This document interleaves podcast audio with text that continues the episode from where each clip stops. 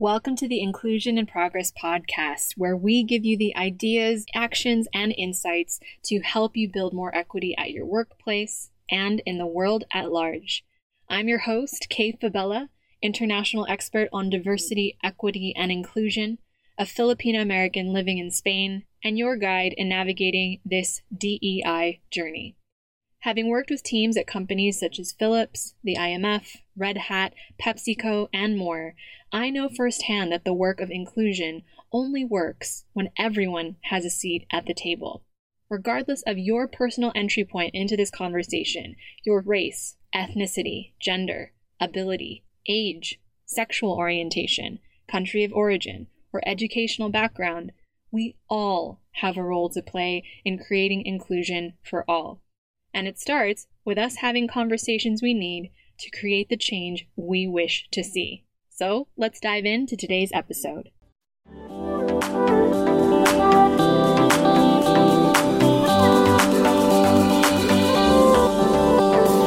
right, all right, folks, we are now officially out of felt like the longest month January and into February. And yes, while this month is most popularly known for a certain pro love day on the 14th, and thanks to Leslie Knope from Parks and Recreation, a certain Galentine's Day on the 13th, February is also Black History Month in the UK and African American History Month in my home country of the US.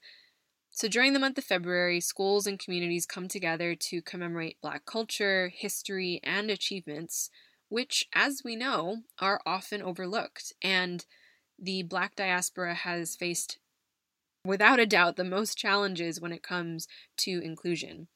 I mean, even a half Black woman like Meghan Markle, who was heralded as this sign of progress and a post racial era in the UK at the time of her joining the royal family, was subjected to nonstop racial harassment until she and her husband, Prince Harry, were forced to say they had enough. You don't have to look too far to see how prevalent institutionalized racism is and how far we still have to go to dismantle long standing perceptions and biases, particularly against Black people. So, yes, given that racial tensions are pretty high in the US, and topics like racism are now very much a part of the public debate in the UK with both Megxit and Brexit. I'd say that having an entire month to recognize and appreciate Black achievement, in spite of their long history of injustice, is even more necessary than ever. It's when we use this kind of visibility to highlight the needs and achievements of an underrepresented group that we can help amplify the individual voices within this group who are advocating for change. Which brings me to the topic of today's podcast episode how to boost your visibility at work as a minority. As I shared in episode 9, when you are an only in the room, the responsibility lies on you to start that initial conversation or the initial conversations around inclusion, which is inevitably going to require you to step up, to speak up, and advocate for yourself in spaces where you also have to do some education around how others treat you. Believe me when I say, I know this work is hard. As a five foot two Filipino American immigrant in Spain who admittedly still looks like she's 12 to people when they meet me in person, it can be frustrating to be judged constantly by someone's first impression of you. It can be exhausting to feel like you have to explain yourself to others who didn't share your cultural experiences or upbringing. I agree with you that all you want to do is try to get your job done and hope that your company will take the steps necessary to make you feel more included and supported in the workplace. But let's revisit this idea that I mentioned now a couple of times on the podcast of dual responsibility. If your company, if your manager, if your teammates don't know what you're experiencing or how they can partner with you to build inclusion together, nothing will change for you or for the people who look, love, or live like you who come after you. So, yes, the responsibility also falls on you as an individual from this underrepresented group in your company to make yourself more visible at work to contribute to that change. Remember, it's not about the volume or the pace at which you move forward. No one's asking you to shout louder or to move quickly and take on all of this responsibility on top of your day to day work. Not at all. Just making that decision to not sit on the sidelines helps lead your company and community toward a more inclusive world. With that said, I'm going to do my best to make this episode as actionable and intersectional as possible. So, no matter what underrepresented group you identify with, you can start putting these steps into action to make your workplace more inclusive for you and those around you. Bear in mind that every experience, every individual, every cultural or specific identity group is 100% unique. So, if stepping up as a leader in your organization is something you want tailored support on, please head to the link in the show notes to book a call with me. Every month, in addition to the work that I deliver for companies, I work on a one on one basis with three ambitious professionals and leaders from traditionally underrepresented groups, such as women, WMXN, BIPOC, LGBTQIA, veterans, immigrants, senior professionals, or people with different abilities to grow your influence and impact. We'll focus on your messaging and your personal brand, building a visibility plan based on your unique personality, strengths, and goals, and strategize how to build your capacity for leadership and impact in your organization. Because we need your story your unique experiences front and center if we want to build a more inclusive workplace and a more inclusive world for us all.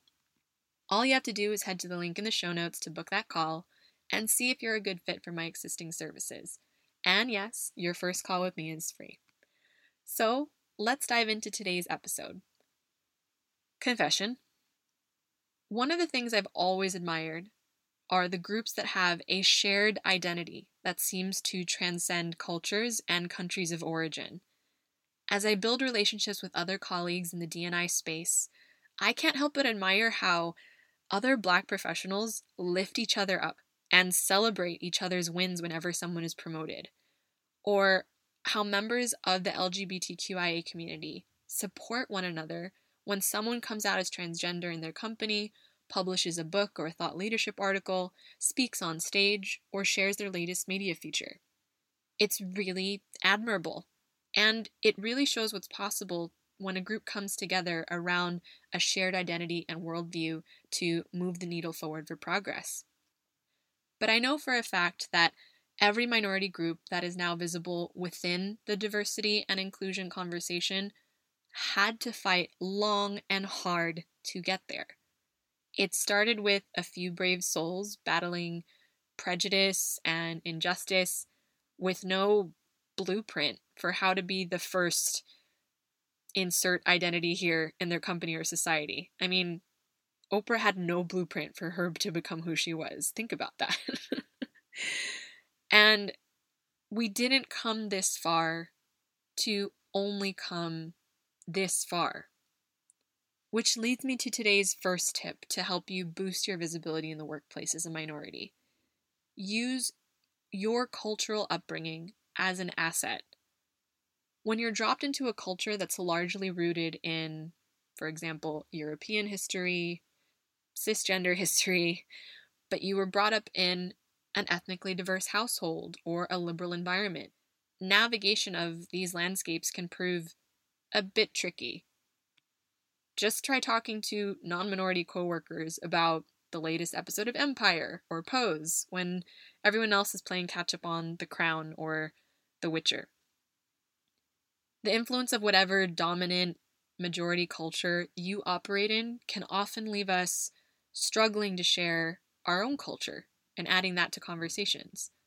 Case in point, an African American friend of mine who I used to work with in one of my earliest jobs in Madrid she would get her fair share of derogatory comments or assumptions when people first met her, some of which I can't share here on this podcast if I really want to avoid the explicit rating. Uh, sadly, there were few non native Africans when we worked together nearly 10 years ago. So the only reference point that Spaniards had for people who looked like her were people who sold either counterfeit goods on the street, because that was their only option, or, well, prostitutes, because that was their only option. So you can imagine the kinds of things that she heard on a day to day basis, far worse than me. Early on, she had to make a decision about whether to laugh it off or use these opportunities as teachable moments for Spanish people who weren't used to seeing immigrants until only 20 years before she and I had moved here. The truth is, how she looked, how I looked, strangely ended up being advantages for both of us to open up conversations with both locals and fellow expats alike, even though it was to different degrees. Using our personal stories, whether it was our upbringing back home as daughters of immigrants or even our honest accounts of our positive and negative interactions with other locals, helped raise awareness for whoever we were talking to. And I'd like to think our stories left others with a less narrow understanding of the cultures we came from, and the capacity to empathize and think twice before passing a sweeping judgment on someone based on how they looked alone. In a workplace, the quote unquote benefit of being an only is that you can leverage your cultural roots or your unique upbringing and abilities to your advantage. I've found that most non minority people in companies genuinely want to learn to do and be better, and are usually willing to be educated when given the chance. So, leverage what makes you different to make a difference in your company. You can shine a positive spotlight on the group that you represent, challenge and dispel assumptions, and bring greater representation to your respective industry. The second thing to think about is use your name to start a conversation. When you hear the name Uzo Aduba, you think Emmy winning Nigerian actress from Orange is the New Black. But when she was a kid and she shared this story, she asked her mother if she could go by the name Zoe because no one could pronounce her actual name. And according to the story, Uzo's mom responded, If they can learn to say Tchaikovsky and Michelangelo and Dostoevsky, they can learn to say Uzo Amaka. And I really loved that story when I heard it. Immigrants and people of color in particular have had to deal with more shame and derision from their non minority peers over their names, which can affect our opportunities for advancement and even our own sense of identity. As recently as 2018, a St. Louis woman named Hermesia Robinson had a post go viral when she shared how she was rejected after applying to a customer service job. The employer had this to say quote, Unfortunately, we do not consider candidates that have suggestive ghetto names. Unquote. If you are one of the few representatives of your culture or minority group in the room, or even in your workplace, chances are you've had similar experiences when it comes to your own name. So use that to start conversations. For me, I periodically share a list of how many ways my name has been twisted or changed just for a good laugh. And I know what you're thinking. How hard can it be to say K? Well, turns out here in Spain, because the vowels are pronounced differently, when people see my name written down, they read it as Kai. When they hear me say my name in person, they think my name is Key. They'll make a joke like, como diabe in inglés. And I'm like, mm, not quite. but it's not just Spain. Non Spanish Europeans seem to call me Faye more often than K, which I've yet to really understand. Maybe it's taking the F from my last name, Fabella? I don't know. I've also heard Keynes, yes, as in the famous economist, Kate, Gatti, Katie, and my personal favorite, cake. I'm the rare person who actually gets her name spelled right at Starbucks more than in the real world. you see, you can approach these kinds of conversations about your name with humor, too. But in all seriousness, in the personal branding world, we know that something as powerful as our name holds a lot of weight because our name represents our reputation, our heritage, our legacy, even. Meaning, our name is quite literally who we are. Yes, most people aren't going to get your name right the first time around if you come from an underrepresented group, but you can use it as a way to open doors and start conversations that also add to your visibility in the workplace. And who knows, maybe interactions with you will teach non minority coworkers and colleagues around you to have a little more empathy when they interact with other minority groups at work. Finally, use your stories to reframe conversations and challenge perceptions. Over time, I've become pretty naturally good at educating people who want to learn about how to be more inclusive, whether it's in their workplaces or businesses or in their lives people who work with me say that they like that while they're learning to grow and embrace D&I, they can still make mistakes in a safe space with me or know that I'm going to challenge them on their perceptions without making them feel bad or making them feel guilty about not knowing better. It's a skill I've developed operating between worlds. First, growing up as a third culture kid and a daughter of Filipino immigrants in California, during a time where our stories were rarely seen on screen or in media, then moving to the east coast of the US and navigating being one of the very few Asian Americans in my high school. Then moving to different countries, including France, India, and Mexico, before finally making Spain my home base in 2010. I've developed both a, let's say, hypersensitivity to cultural differences and parallels, and now having so many real life stories and interactions to draw from, I can use them to reframe conversations with people at different stages in their own diversity and inclusion journey. So, when I approach clients and companies, I start from the premise that they genuinely want to learn, but they need an anchor or a point of reference from what they've lived through to be able to relate it back to their own experience and really understand what needs to change. Case in point, earlier this week, I was speaking in private to a non minority cisgender woman about D&I. And she was apologizing for every other word she couldn't get right or for not knowing the right terminology in her own words, which meant that our conversation could barely move forward without her saying things like, I know I have privilege, or I don't want to be mistaken for having like a white savior complex when I try and talk about this stuff, etc., etc. And I quietly smiled and I raised up my hand and I said to her, Listen, we're all figuring this out. Just because I have a lived experience as an immigrant and a woman of color does not mean that I somehow automatically have all the vocabulary on how to speak the quote unquote right way about diversity and inclusion. I don't know all the places to download stock photography for women of color and immigrants. I don't always get the pronouns right, even though I try to do my best. So just know that when you're working with me, you're going to get it wrong a lot.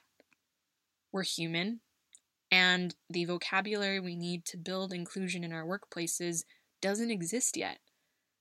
But we can't build the collective vocabulary we need by tiptoeing around one another for the sake of staying comfortable or worrying we're going to piss someone off.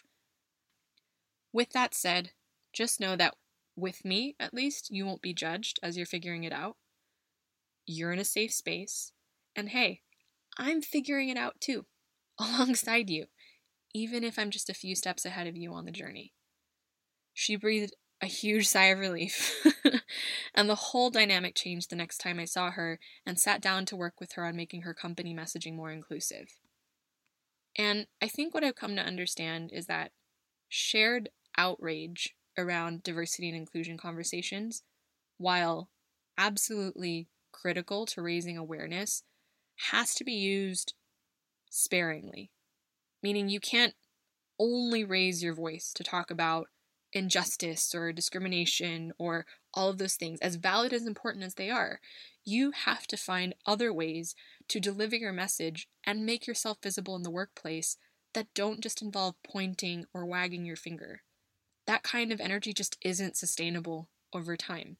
You can use humor, as we've seen in this episode today, you can use your cultural upbringing, you can use your own name to start and reframe conversations.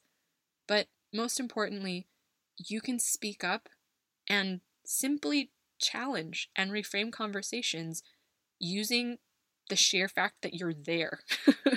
Speaking up in a way that people can't avoid seeing you. And slowly but surely, your voice and your self advocacy as one or as an only will ripple out as allies and advocates join your cause. So, there you have it the three ways to boost your visibility as a minority at work. First, use your cultural upbringing as an asset. Second, use your name to start a conversation. And three, use your own stories to reframe conversations or challenge perceptions. Leaders come in all shapes, styles, and sizes.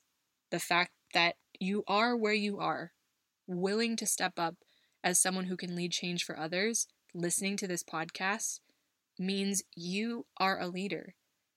And for inclusion to become a reality, we need more people like you who redefine leadership and what's possible with your story. There's a reason that Kobe Bryant's passing last month had such a ripple effect across the world. He was more than an incredible basketball player. He used his leadership, his influence to show up and challenge expectations no matter what room he stepped into. Whether it was busting out fluent Italian in press conferences from his childhood in Reggio Emilia, starring and directing his own Nike commercials, speaking out against racism in European football, passing the baton to LeBron James, his former competitor, or coaching his daughter's basketball team. When you have so few examples to look up to as a kid of excellence in your community, you feel a loss like his especially hard. And that's the thing. We can't be what we cannot see. You boosting your visibility as a minority at work is what we need today to redefine the face of leadership for those who come after you tomorrow.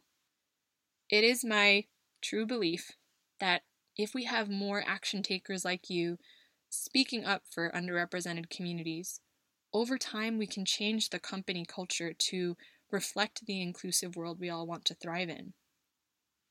So that brings us to the conclusion of this week's episode. As always, if you liked what we talked about today, I would very much appreciate it if you'd subscribe, rate, and review the podcast, especially on iTunes, and share it with someone who you know would benefit. In the next episode, I'm going to be welcoming a very special guest to talk with us on the podcast on how to secure your seat at the table as a minority at work. It's going to be an amazing conversation. I know you're going to love it. So, thank you so much again for tuning in, and I'll see you next week on Inclusion in Progress.